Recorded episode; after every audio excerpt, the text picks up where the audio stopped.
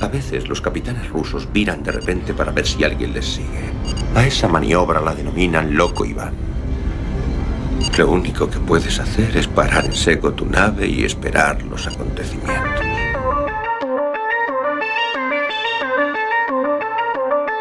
Yamasphere 347 of Space Patrol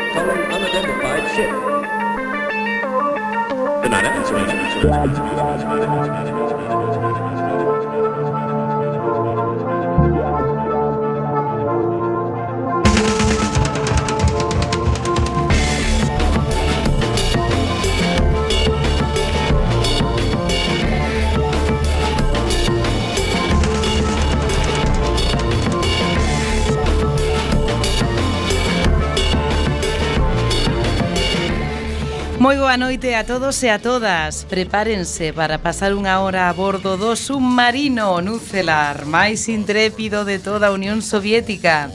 Este venres decidimos falar de enfermidades nucelares masivas e comunistas, por tanto, como xa saben que levamos siglos surcando os, os océanos máis escuros, faremos un repaso dende as plagas bíblicas a peste negra, pasando pola gripe españolista e outras enfermidades de carácter rancio. Como o que queremos é estender coñecemento e non virus, entrevistaremos a unha poeta e escritora que tamén é divulgadora científica. Teremos música, noticias e, por suposto, o noso glorioso relato.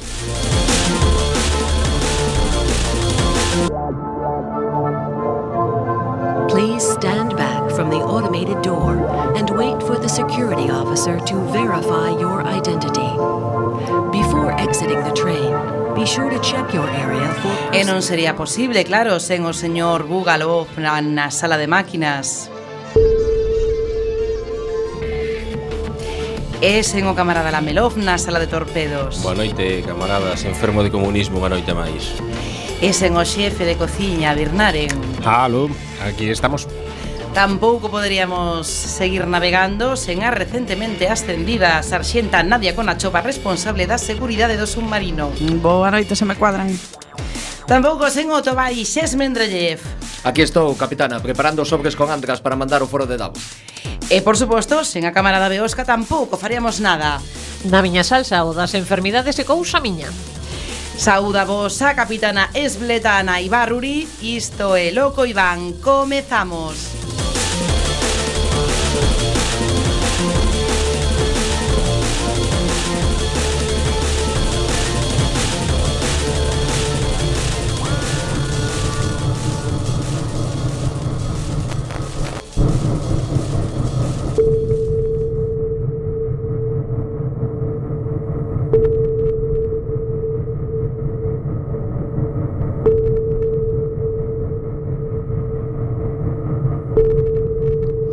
Antes de profundizar en escuras augas avisais temos que facer un repaso á actualidade máis necesaria, esa que os medios capitalistas insisten en esconder.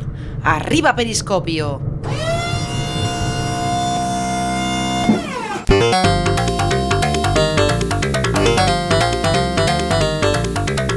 Quack FM Loco Iván Periscopio Deadly Premonition terá un xogo de mesa. Converteuse nun videoxogo de culto a pesar das súas limitacións técnicas. A razón principal é que a trama é moi semellante á serie de Twin Peaks de David Lynch. Un axente do FBI ten que ir a un pobo de Estados Unidos a investigar un macabro asasinato. Na web de lanzamento din que será un xogo de inocencia, incriminación e asasinato, pero pouco máis sabemos da súa mecánica. Probablemente, tendo en conta a temática, teña un estilo cluedo ou algo semellante. Correos vende un selo da Abadía do Crime. Algúa xente moi nova non sabe que hai cousas chamadas selos, que se usan para enviar cartas, postais ou paquetes, e que soen levar debuxos sobre diferentes temas, algúns deles de tirada limitada, e que gustan a coleccionistas. Nesta ocasión, fan unha amenaxe ao clásico do videoxogo español A Abadía do Crime, cusos principais creadores son o tristemente falecido Paco Menéndez e Juan del Can, de Opera Soft inspirado no libro O nome da rosa, foi un dos títulos máis significativos da chamada Idade de Ouro do software español. Dreaming like the edge, Xa están as candidaturas para os premios Arthur C. Clarke. Son premios que se veñen dando dende 1986 e teñen no seu haber a China Mieville, Margaret Atwood ou Neil Stephenson. Eu tomo café con eles todos os xoves. Para este ano xa teñen novas candidaturas Unha edición especial porque é o centenario do nacemento de Arthur C. Clarke A lenda da literatura de ciencia ficción. A cerimonia terá lugar o 17 de xullo na librería Foils en Londres. As obras candidatas pois son Close and Common Orbit de Becky Chambers, Nine Fox Gambit de John Halley, After Atlas de Emma Newman, Occupy Me de Tricia Sullivan, Central Station de Lavi Tidar e The Underground Railroad de Colson Whitehead. Son libros que non coñecen nin Lenin, pero que seguro que paga a pena ler. Un videoxogo para camarada con a chova. Trátase de Get or Not, un sogo táctico de policías de élite que permitirá a nosa camarada destrar a xestión de seguridade do submarino. Hai anos eh, que non hai un sogo deste tipo, e o último é o SWAT 4 de Gational Games, publicado no ano 2005. Agora Get or Not, The Voice Interactive, chega para cubrir ese oco con realismo na táctica, planificación de misións, uso de armas, danos, gore, cooperativo, bu, de todo, de todo, estamos que lo tiramos. Con este videoxogo a camarada con a chova non se lle vai escapar ningún revisionista. Recibido. Anunciado Wild West Online. Que non soñou algunha vez con estar no salvaxe oeste? Non falamos da gloriosa e civilizada Leningrado, senón do decadente oeste dos Estados Unidos do século XIX, cando case exterminaron a poboación indíxena antes de confinalas en reservas. Agora terás a oportunidade cun videoxogo de rol online chamado Wild West, que como que é como unha especie de Red Dead Redemption, pero para PC. Non se coñecen moitos detalles, agas que lanzarán unha campaña de crowdfunding para pedir 250.000 denarios necesarios para poder rematalo. E non paramos de recibir malas novas. Parece ser que outro videoxogo de Cif en camiño ah, ah Xa sabedes, en fin Os dous primeiros da saga son do mellorciño que hai Incluso a terceira parte Con, con algunha modificación tamén é recomendable Pero aí rematou o conto Eidos Square fixeron unha cuarta parte que merecería o gulag máis profundo de Siberia por insultar a unha saga legendaria. E non contentos con iso, parece ser que preparan unha quinta entrega, e ademais feita pola mesma compañía que prepara unha película sobre Cif. Suxiro unha operación inmediata de castigo, camaradas. Enviados Spendaz, inmediatamente. E para compensar a anterior, temos esta. A BBC prepara unha serie de televisión de A Cidade e a Cidade. Viva! Ei, baseada na gran novela do escritor británico China Mieville. A serie estará dividida en catro partes e contará co actor David Morrissey, o gobernador de The Walking Dead, e o guionista Tony Grisoni, autor do guión de The Young Pope e Philip K. Dick's Electric Dreams. A historia trata dun asesinato que ten que investigar o detective Tiador Borlú, que terá que moverse entre a perigosa fronteira entre as cidades semelgas Vestel e Uicuoma A cidade e a cidade gañou o premio Locus a mellor novela de fantasía, o Arthur C. Clarke a mellor novela, o Hugo e o World Fantasy, todos eles en 2010. Un libro ben recomendable, camaradas. Alien Covenant é a película máis terrorífica da historia. Polo menos é a que máis medo nos provoca, e non falamos do medo aos nosos amigos aliens, senón o medo que temos a Ridley Scott despois do cagarro infumento que fixo con Prometeus. A saga Alien é unha das máis míticas do cine de ciencia ficción e terror espacial e sería unha mágoa mancillara cun bodrio. Sí, temos medo, pero pola calidade da película. Aínda así, seguro que iremos ao cine a vela que hoxe é a estrela. Que Lenin nos protexa. A Compañía Negra estará en televisión e en Global, David Goyer e Liza Dusku producirá unha serie de televisión ambientada na fantasía escura da Compañía Negra, as novelas e historias curtas de Glenn Cook. Comezou a publicarse no ano 1800, 1900, 1900, 1984 e autores como George L. Martin ou Steve Erickson din que é unha das súas principais influencias. A historia está chea de dilemas morais a que as protagonistas comenzan no lado dos, dos malos, non? Que son os que máis molan, como se traballaran para Sauron no Señor dos Anéis ou unha cousa así.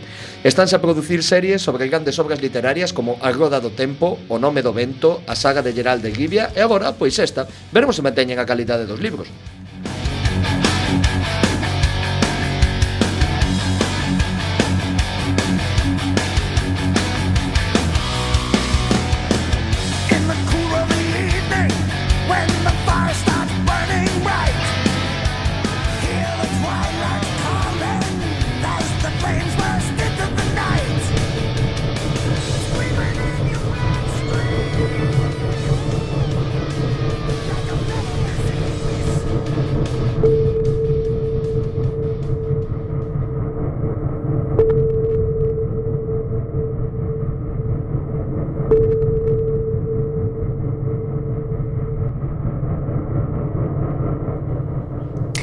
Tras as nosas novas novísimas e importantísimas e anticapitalistas, temos que dar paso, como sempre, a esta hora, nesta travesía nucelar, a nosa música.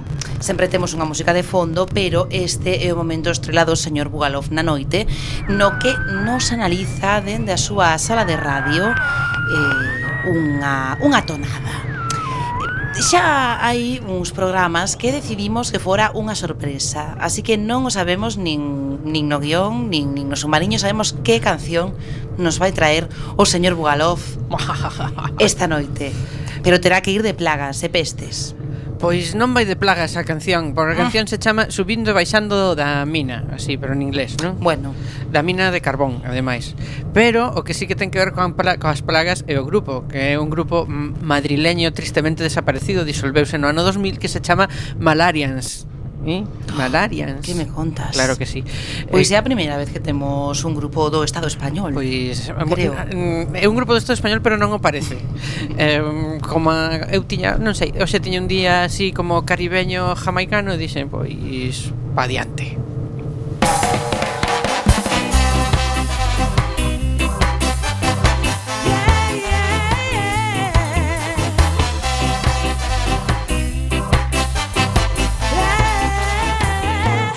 If you. don't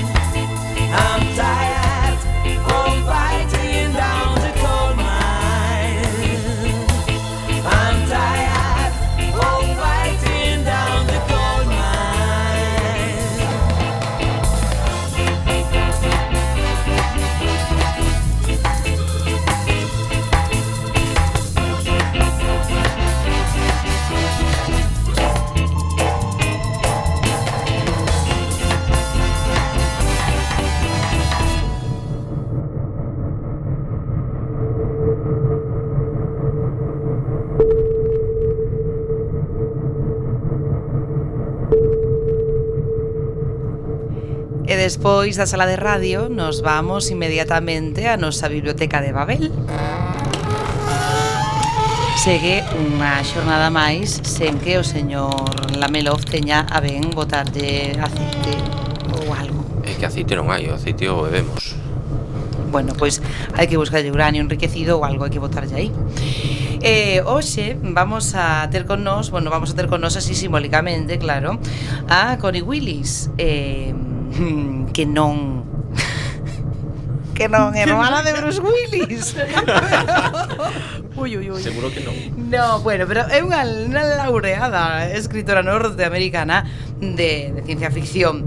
No no 92 publicou a súa obra máis coñecida, o libro do Día do Xuicio Final, co que gañou os tres premios máis importantes do xénero, o Hugo no ano 93, o Premio dos Lectores, o Nébula no 92, o Premio dos Escritores do Xénero e o Locus tamén no 93 que é premio da importante revista de ciencia ficción e fantasía Locus. Bueno, pois a mediados do século XXI, Kibrin, unha audaz estudante de historia, decide viaxar no tempo para estudar in situ a vida en un dos intervalos pacíficos da Idade Media, unha cousa pois como un Erasmus, pero bueno, pois igual sen xoves. Eh, aparentemente todo saiu ben. Eh, Kirvin atópase nunha nevada campiña inglesa en pleno século XVI, pero o que non sabe é que no 2045 o técnico que marcou as coordenadas da súa viaxe caeu fulminado presa dunha extraña praga, errando o programar o seu destino. Que pasa entón? A historiadora fica atrapada en plena época da peste negra, unha cousa bastante chunger. E a súa... Mm, bueno, é mellor que escoite de so relato.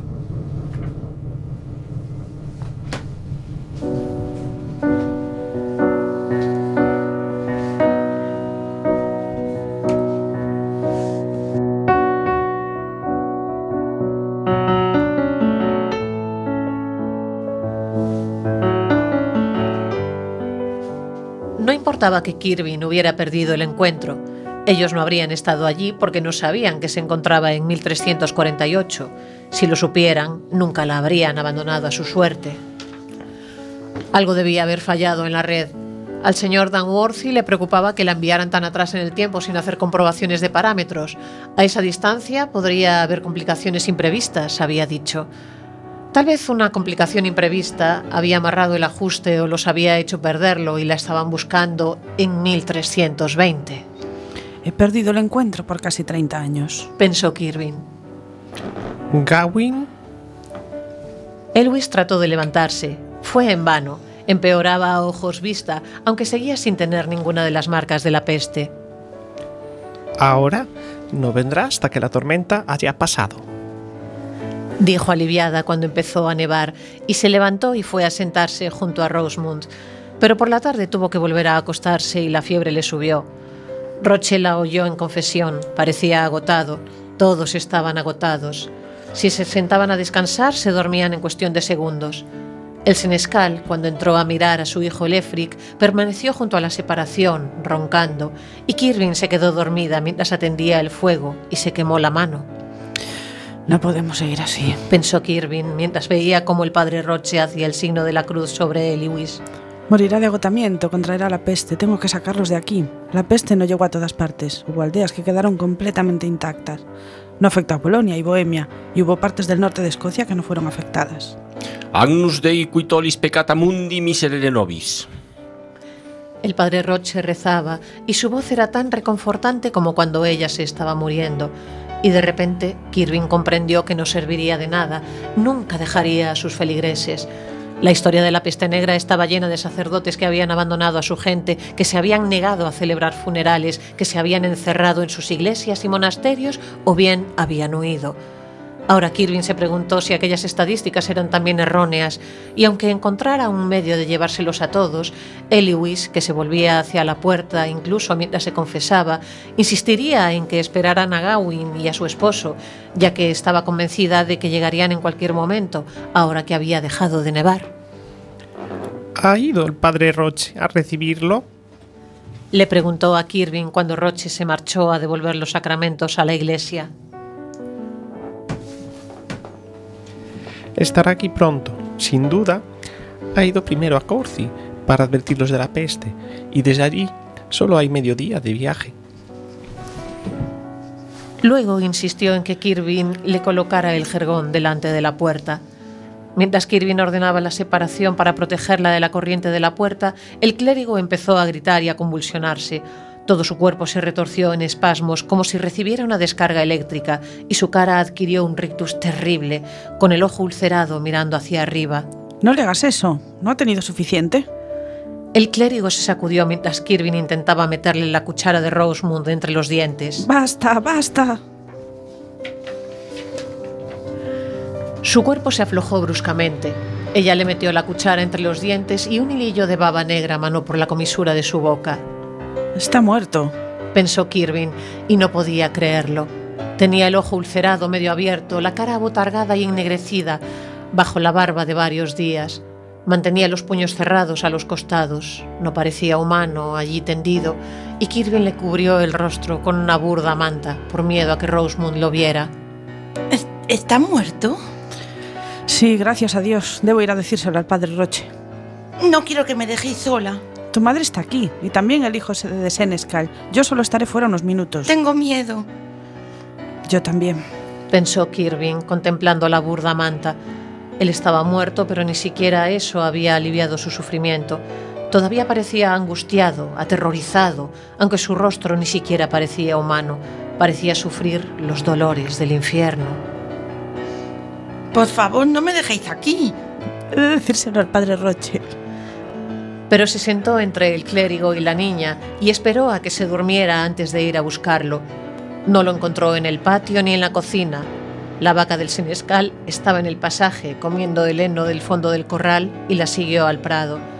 El senescal estaba en el cementerio cavando una tumba, hundido hasta el pecho en el suelo. En el suelo nevado. Ya lo sabe, pensó ella, pero era imposible. El corazón le empezó a latir con fuerza. ¿Dónde está el padre Roche? El senescal no le respondió ni la miró. La vaca se acercó a ella y mugió. Márchate. ¿Qué hacéis? ¿Para quién son esas tumbas? El senescal arrojó una paletada de tierra al montón. Los terrones helados producían un sonido chasqueante, como piedras. ¿Por qué acabáis tres tumbas? ¿Quién ha muerto? La vaca le empujó el hombro con su cuerno. Ella se apartó. El senescal clavó la pala en el duro suelo, como de hierro. Son los últimos días, chico.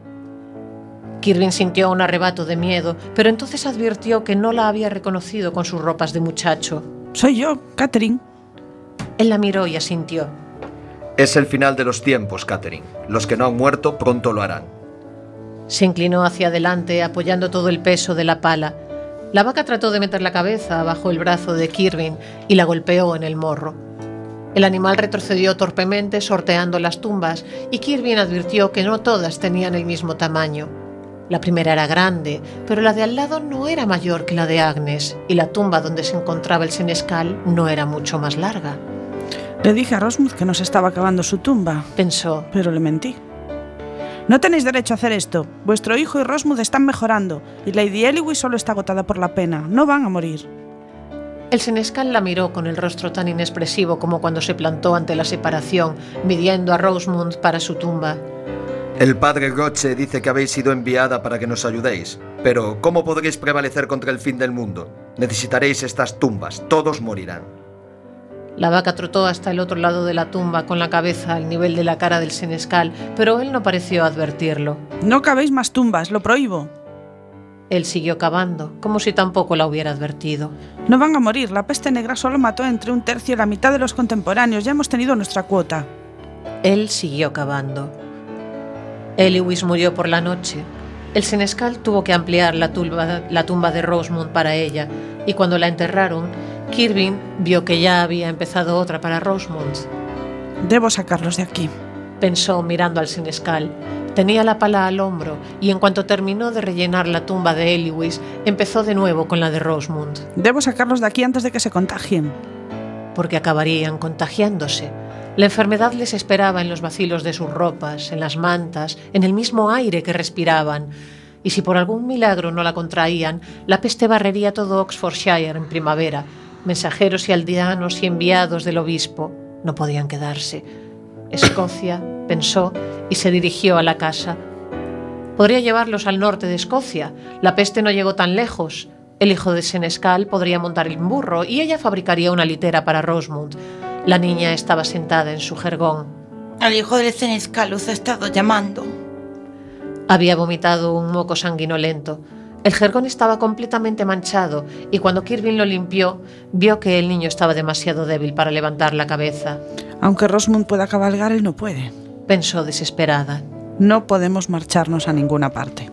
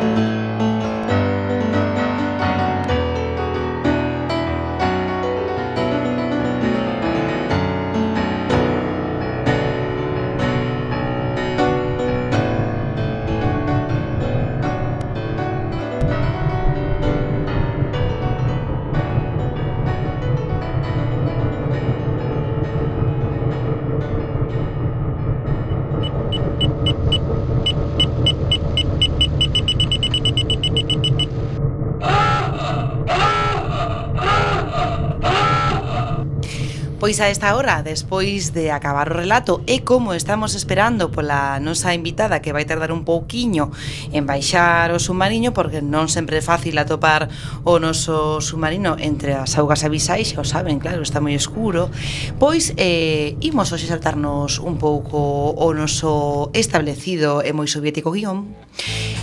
E vamos eh, profundizar xa no tema do que estamos a falar hoxe, que son pragas pestes, xa saben así, o que ven sendo eh, un morreo que deriva en unha horrible gripe. Isto está a orde do día.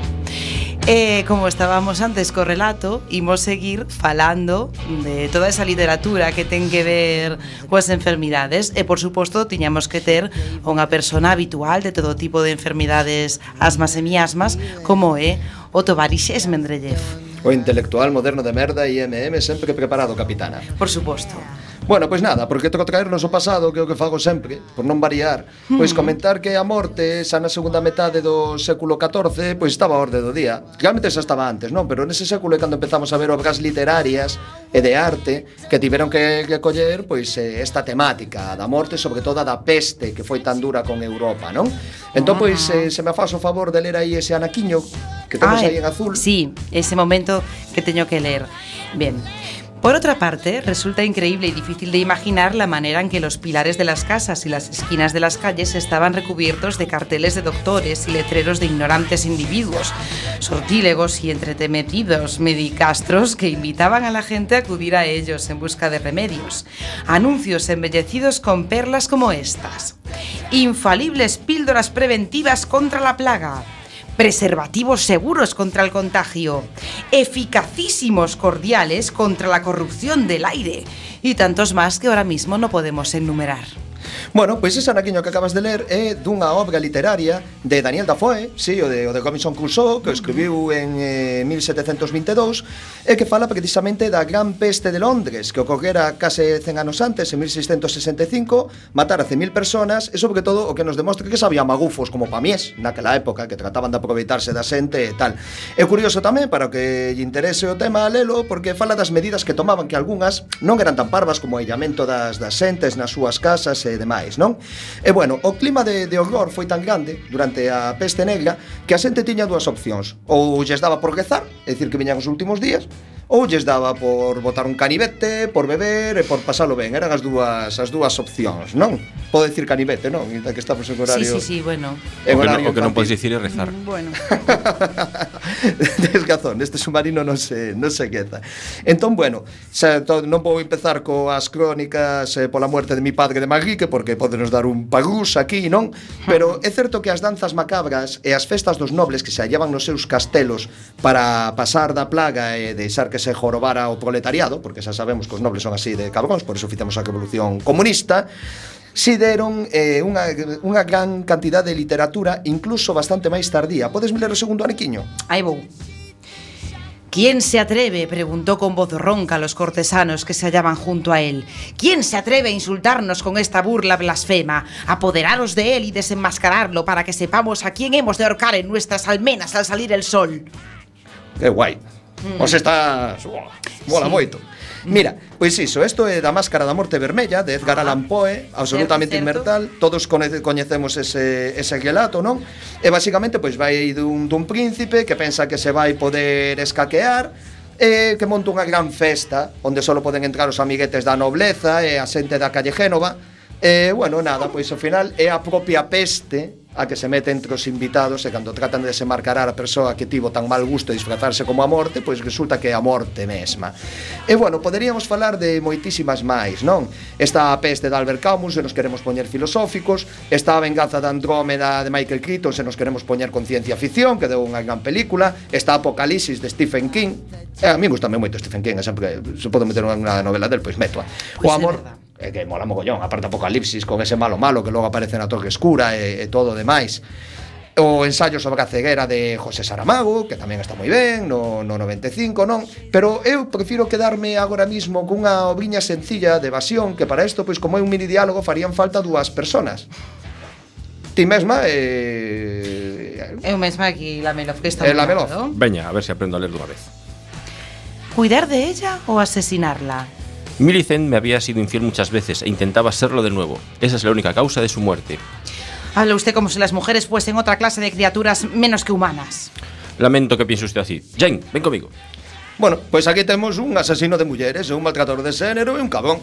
E o tipo, bueno, a historia, Samuel Jones, John Christopher, igual vos sona porque escribiu un mogollón de literatura para xente da nosa época de, de ciencia ficción liseira, como a triloxía dos trípodes, Un mundo vacío, que iba dunha plaga, Pois escribiu esta noveliña que é un pouco máis adulta, que se chama A morte da erva, que é unha praga, pero que efectivamente non mata os humanos, mata as plantas.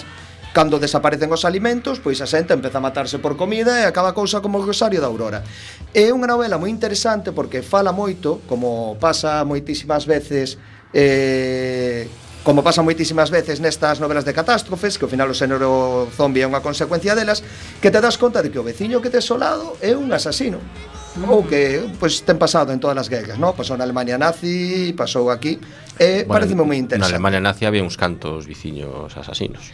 É que seguramente hai uns cantos. Se un 3% da poboación é psicópata e ti de pronto te ves nunha situación límite como unha guerra ou unha revolución, pois aparecen os cabros como as flores. Incluso podría pasar neste submarino. Creo que o psicópata sería Birnaren. Xa pasou, non? Xa pasou. Eh, que nos está dicindo o señor Bugalov dende a sala de máquinas que xa temos preparado o submarino para que abra escotilla e que entre a nosa entrevistada de hoxe. Xa dixemos antes que a intención deste submarino hoxe eh, bueno, hoxe é sempre, é repartir coñecemento, o, o coñecemento que nos gusta a nos, por suposto. Entón, hoxe, claro, falamos... Ai, non estaba preparado Eso isto es lo que significa ser esclavo. Mm.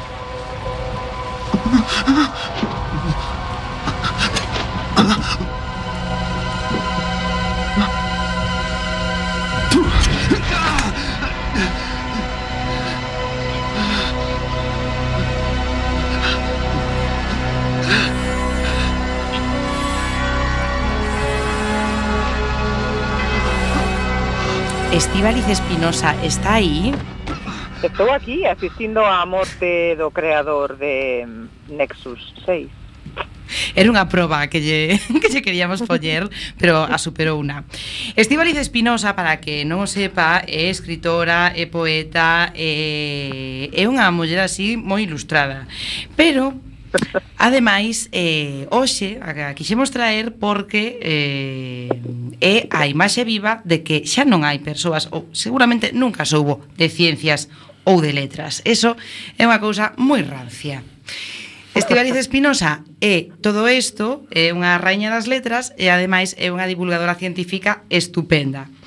Bueno. E por eso a traemos aquí daquela maneira. Bueno, daquela maneira, non? Vos que me queredes moito neste submarino e eh, esas cousas, pero pero gracias, gracias. Eso tamén é certo. Sí. Bueno, é vostede poética prolífica, laureadísima, acumula premios e colabora con distintos medios, ademais de comunicación a nivel estatal, as súas obras están en galego. Bueno, pero, sen embargo, toda a súa obra tamén estivo sempre ligada un pouco, vamos dicir, entre comillas, ao, ao, ao espazo, de alguna forma. Sí, Eh, bueno, Mm, sí, de alguna forma sí. O a matemática o... Eso quería pues, decir, todo, pero no me salía todo, matemática y dije al Sobre espacio. todo astronomía, no, pero sí, é certo, sobre todo astronomía, eh, é unha teima así que xa tiven dende sempre e, e bueno, sí, publicara xa unha cousa que se chamaba Mecánica Celeste, pero con Z, así unha cosa. hai anos, hai moitos anos, era joven. Algúnas nos lembramos. E entón, pois, eh, sí, a verdade é que a temática, mm, non, non a temática, senón o, eh, o propio, a ver, eu sempre digo que a primeira poesía que escoitei na vida ou das primeiras, ademais das de Gloria Fuertes, non? E, e estas cousas que ademais este o seu ano e, e temos que reivindicar a súa figura tamén, pero un dos primeiros poemas que escoitei foi a serie Cosmos de Carl Sagan eh, a, a primeira vez que a puxeron na tele, pois eran os anos 80, eu era cativa e supoño que antes de que me mandaran para a cama, non? Pois eu escoitaba ese inicio tan tan lírico e a propia a propia eh, filosofía e o propio o propio texto que para min é extraordinario, non? O texto de de Cosmos, tanto da serie de televisión como do do libro, de Carlos pareceme que ten moita altura literaria, non? E daquela, pois, pues, eu non me daba conta de se tiña altura literaria ou non, pero a mí me gustaba. Ademais, eu sempre pensaba que transcurría, bueno, había as imaxes, pensaba que pasaban na costa de Dexo, todas aí, aí ao lado, non? Porque era a única costa así que coñecía. Entón, para mí era todo como moi... Ademais, Carlos era moi aficionado aos mexilóns del Orbe. sí, seguramente non se perdía a feira. e entón, pois, eh, sí, eu pensaba que todo se rodaba aí, e todas esas cousas fantásticas que nos contaba Carl Sagan, non que, que o cosmos é o que é, o que foi, o que será, pois a min, que queres, fíxome, non sei, tocou, tocoume a fibra sensible. E entón sempre tiven ese, pois esa teima, e, e a verdade porque tamén estudei ciencias no, no, pois na época do instituto, e nu, nunca vin que estivesen tan separadas realmente, non? Para min sempre foron parte da mesma da mesma pregunta, non? Así trascendental. Eso é o que te queríamos preguntar, perfectamente xa me dá o pé para, para a seguinte pregunta, o cual quere dicir que é unha entrevistada eh, moi preparada. Eh, hai pouco celebrouse aquí na Coruña un congreso de divulgación nautas no que vostede participou cunha, cunha ponencia que ademais nos gusta moito o título porque curiosidade polo dark. Eh, non se refería vostede a heavies eh, que vestirán de negro, senón que falaba eh, da, da unión que das, das ciencia, as ciencias e as humanidades son fillas, dicía vostede, da, da mesma curiosidade onto escuro. Ah, falenos un pouco desa curiosidade dark. bueno, eh, o que pasou en Naucas, ben, eu, eu eh, colaborei, eh, participei certamente con, con esta ponencia, eh, pero bueno, a verdade é que impúxome un pouco estar ali, eh? é bastante impoñente, porque estás rodeada de xente que é unha extraordinaria divulgadora científica, eu estiven con, con xente moi grande non no tema. E ademais eh, a temática era eh, a vida, eh, eh, o universo e todo o demais. Ese era o título que bueno, os aficionados a, a ciencia ficción de autostopistas galácticos pode que lle soe, e E mm, a curiosidade polo Dark realmente viña a conto porque, ah, bueno, mm, digamos que mm, eh, na astronomía nos últimos anos todo o que Dark parece que é mm, o, o, o apasionante, non? O, o fascinante, non? A materia escura, eh, a, a enerxía escura, os, os furados negros, todo, toda a escuridade que na literatura clásica pois sempre tivo tamén certo atractivo, non? pero que sempre encarnou o mal. Aquí tamén eh, o misterio e é onde se revelan eh, pois novas novas ideas, eh, onde onde realmente se están bueno, pois pues está, está o, o, as preguntas e o misterio máis fascinante, non? Nese dark, nesa, nesa escuridade. E entón, por iso, de aí o título, non? Pero despois falei de, de outras cousas, tamén, pues, por exemplo, falei da importancia da, de, de volver a ter escuridade eh, nas nosas cidades, non? Que non podemos ver o ceo, eh, e xa non só é unha teima de, de xente que lle gusta a astronomía, non? Que, que realmente, pois, por un exceso de, de luz, eh, pois de farolas moitas veces mal orientadas que pois enfocan o ceo en vez de enfocar a cara baixo, por exemplo, ou que se utilizan pois determinados tipos de luz como a luz LED que son verdadeiramente pois moi deslumbrantes, moi bueno, moi eh, cegan máis que máis que iluminar pois perdemos o ceo e perdemos unha parte da nosa terra, porque a terra é a terra e o, e o ceo. E xa non só porque queramos ver eh, constelacións e volver ver a Vía Láctea, que, bueno, iso xa parece unha utopía se non vas a un monte, senón porque tamén molesta a moitas, a moitas especies, non só a esta especie nosa baseada no carbono, eh, senón a outras especies tamén baseadas no carbono, pero que non son da especie claro, homo sapiens. Aí eh, sí, pero que non son da nosa mesma especie, non? Eh, que sei, dende corais ata, pois, ata aves que comparten a cidade connosco e que, e que tamén lles molesta. Entón o Dark mm, ia un pouco por, por, varios, por varias vías, non? Dende mm. esa escuridade que queremos recuperar, ou si que a mí me gustaría que se recuperase un pouco, que se respectase, non? que non houvese o que se chama contaminación luminosa, ata, ata fascinación polo escuro, non? o dark como atractor, como atractivo xa non do mal, senón do, do fascinante, do misterioso, do e do que revela, non? sí, e do que revela cousas eh, novas.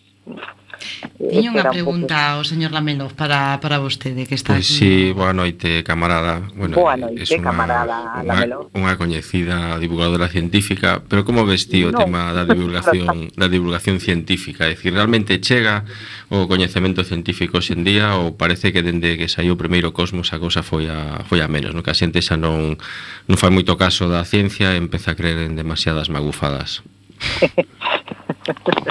Bueno, eh, eu non sei nada de divulgación científica, eso vaya por, de, por diante. O que pasa que sí coñezo moita xente que é extraordinaria en divulgación científica, iso sí que o podo dicir. Eh, de feito, algunha persoa que estivo aquí, non? Por, como Borja Tosar, por Exactamente, exemplo, creo... que o seu compañeiro, ademais, non? Na, na Asociación sí. Astronómica IO. Sí, e creo que é un, bueno, creo que é o mellor divulgador de astronomía, polo menos que eu coñeza. E é, é moi, moi bo e coñezo máis xente que, que moi boa no tema. O tema da divulgación científica agora ten unha auxe así bastante relevante. Eh, sen embargo, é certo que mm, vai un pouco a par do auxe que ten pois, as conspiranoias e as magufadas. non sei se a caloriña de redes sociais ou non, non sei realmente eh, por qué, porque sempre houbo ese tipo de magufadas, pero agora están como pois, pois, eh, con renovados bríos, non? Volvendo e eh, pois cousas, non sei, homeopatías, eh, dende iso ata, bueno, pois eh, conspiranoias varias, eh, pseudociencias en xeral, non?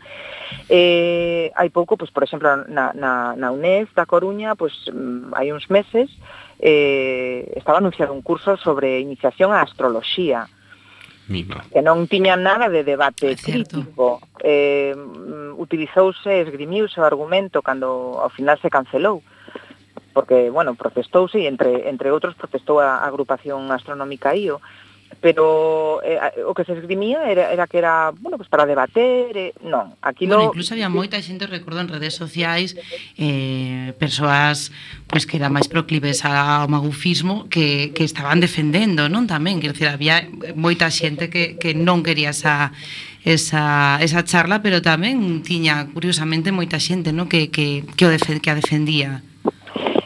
Sí, é que, a ver, eu creo que esa charla debe darse, sí, eh, pero noutro lugar. Hmm. Eh, nun lugar como é, claro, como unha, unha universidade que se supón que respalda pois, o coñecemento validado científicamente ou polo menos que teña certas evidencias empíricas ou que teña certo respaldo dunha comunidade algo como a astroloxía ou os chakras ou mm, quero dicir, sendo pois eh, creencias respetables, pero son pseudociencias, é dicir, non, non teñen non poden estar nun foro como, como é a universidade, é a miña opinión. Eh?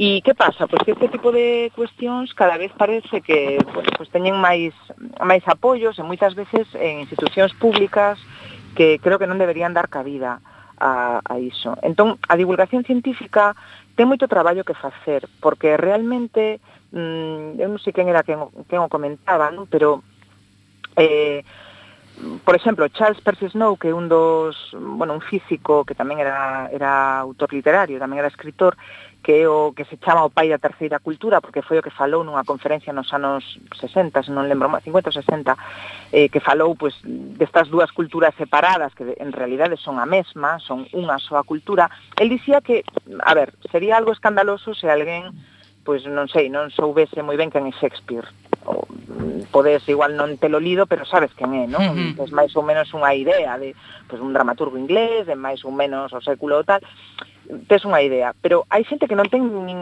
nin a máis remota idea de cousas elementais eh, da física, non do, do ABC da, da física ou da matemática ou da ciencia en xeral, non? Como, por exemplo, pois, a, eh, as leis da termodinámica, non? A famosa segunda lei da termodinámica, por exemplo, non? A da entropía. Quero dicir, hai, hai cousas que son mm, moi básicas, de, de coñecemento científico básico que son moi descoñecidas. Eh, e iso un pouco creo que a divulgación científica ten esa lagoa, esas lagoas que, que encher.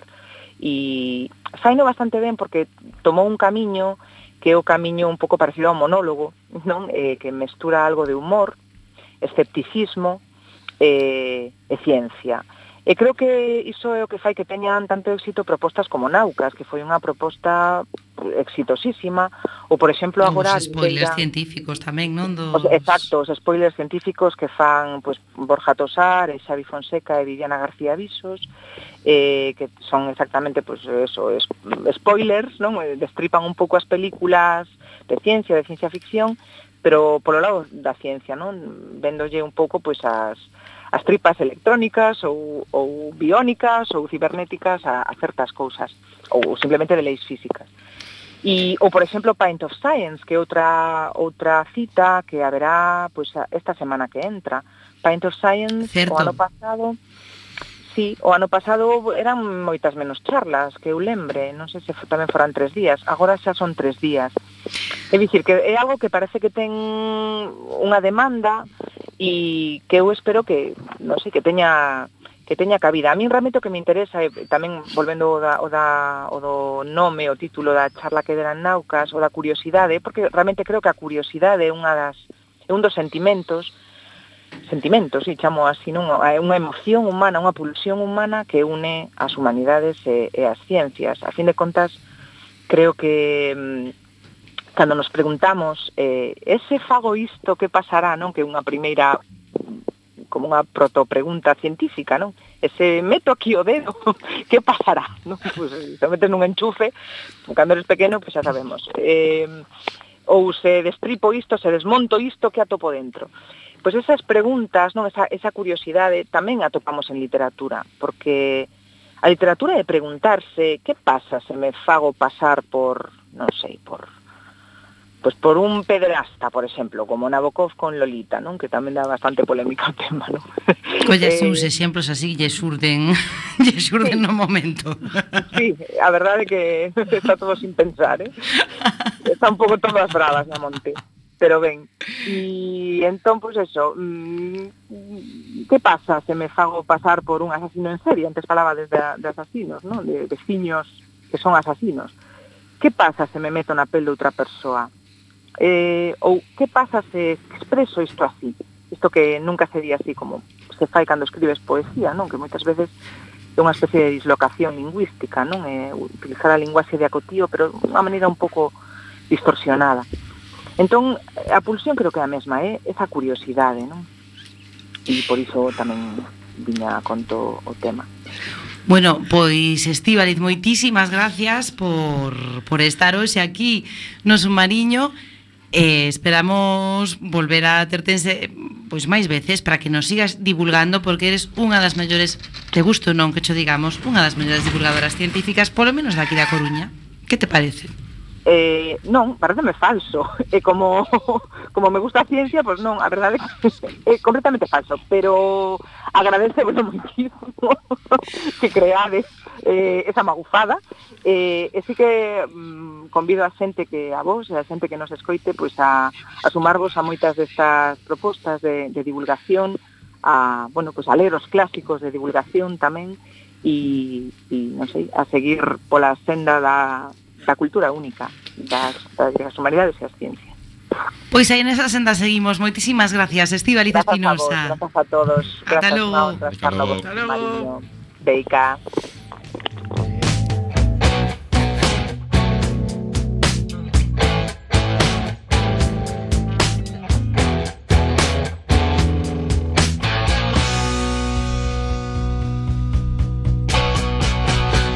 She gave me the queen. She gave me the king. She was wheeling and dealing. Pois nos quedan 10 minutos de programa, así que vamos retomar enseguida a nosa inmersión. Temos aquí o camarada Lamelo que nos trae moita información sobre as pragas e as pestes no mundo virtual. Pois sí, eu traio algunha cousiña de videoxogos e de, e de cine Anda que nos videoxogos a verdad que o tema de plaga sempre está máis orientado a zombies e, e cousas disa, non? Pero, pero algo hai.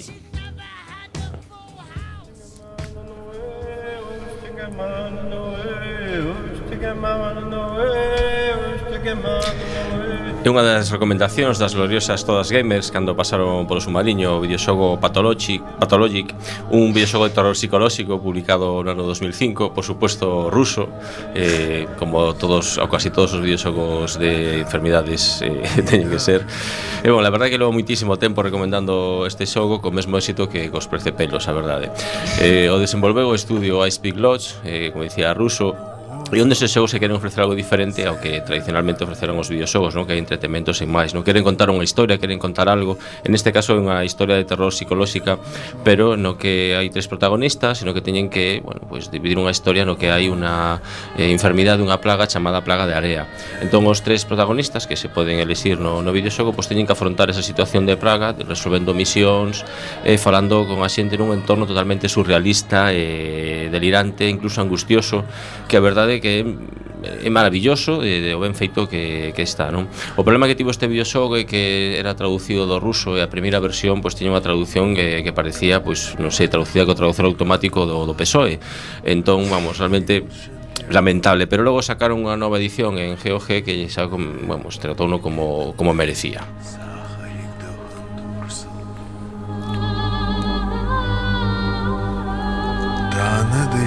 Una persona de media se toca la cara dos o tres mil veces al día. ¿Dos o tres mil veces al día? Y otras zonas, vamos. De tres a cinco veces cada minuto.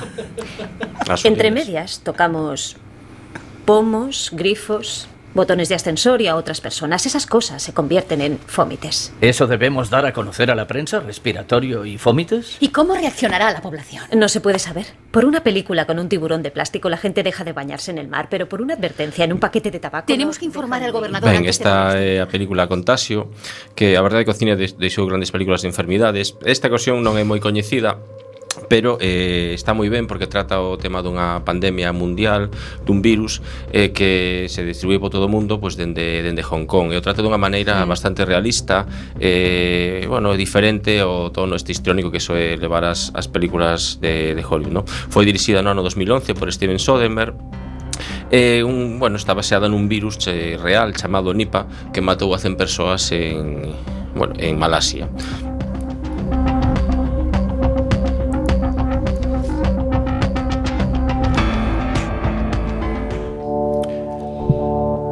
Ben, e xa para rematar un videoxogo que tamén interesante pola temática que é Plug INC Ball que saiu para PC, un xogo de estrategia onde o obxectivo é crear unha, unha, unha praga e, bueno, pois pues, eh, esnaquizar a humanidade con, con esa praga.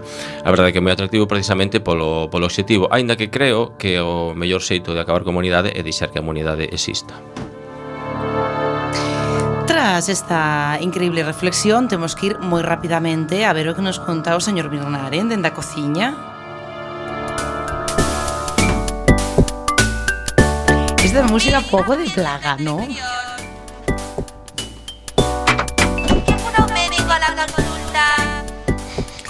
Ben, eh, pois eh, calquera que xogara este magnífico xogo do ano 1997 da compañía Bullfrog eh, sabemos que se trata de Den Hospital que é un xogo no que pois empezamos a crear un hospital de, de cero eh, Para facer salas, a poñer pois, recepcionistas que din estas cousas así por, por megafonía. Eh, e trátase pois de que van entrando pacientes con diferentes plagas a enfermidade da cabeza gigantesca que tes que atopar a curación de radioactividade, bueno, hai un montón de, de, de, de posibilidades, os enfermos empezan a vomitar no chan, teñen que ir a mesar e tes que poñerlles un baño, é dicir que é un xogo, a verdade, moi completo e, e a verdade que é moi, moi, moi interesante. Eh, bueno, eh, se, seguimos porque aparte temos pouco tempo eh, Vamos a empezar a falar do seguinte que é o xogo de mesa Pandemic. O xogo de mesa Pandemic é un xogo de mesa mm, de 2 a 4 xogadores eh, que o argumento é que o mundo ven abaixo por culpa de catro enfermidades contagiosas e que esténdense ao longo do planeta. Nos como expertos debemos atopar as catro curas para poder erradicalas. É un xogo pois bastante divertido, a partida como máximo dura dura unha hora, Eso eh, está ben, porque logo as partidas... Mm. Efectivamente, e gañas pois si erradicas é un xogo cooperativo, non? Colaborativo que, que... Mm, non me gusta xa. Bueno, este é un dos mellores, non? Que se din de xogos colaborativos Que o mellor é, está ao nivel dos peores dos competitivos Pero, pero bueno, eso xa Non sei se o Lamroz ten un comentario. Non, non, eu non comento nada. Non comento Eu sou fusilo. Vale. E, eh, eh, bueno, iso quería eh, dar unha mención a unha serie que se chama La Peste, que, que está rodada e ambientada na, na Sevilla do século XVI, que está por estrearse en decembro, así que estaremos atentos e volveremos a falar desta serie. Pois, non sei, non sei se ten boa pinta ou mala, pero bueno, a veremos en decembro. Eh, xa nos temos que ir. Eh, Que o pasen moi ben, que se xa moi felices Que mm, se laven as mans logo eh, antes de ir ao servicio Por se acaso eh, Para non coller ningún tipo de peste Nin nada por estilo eh, Que usen desodorante. Eh, Nada, que nos vemos a semana que ven. Eso, que se xa moi felices, que o pasen moi ben E que beban vodka sempre con moderación. Música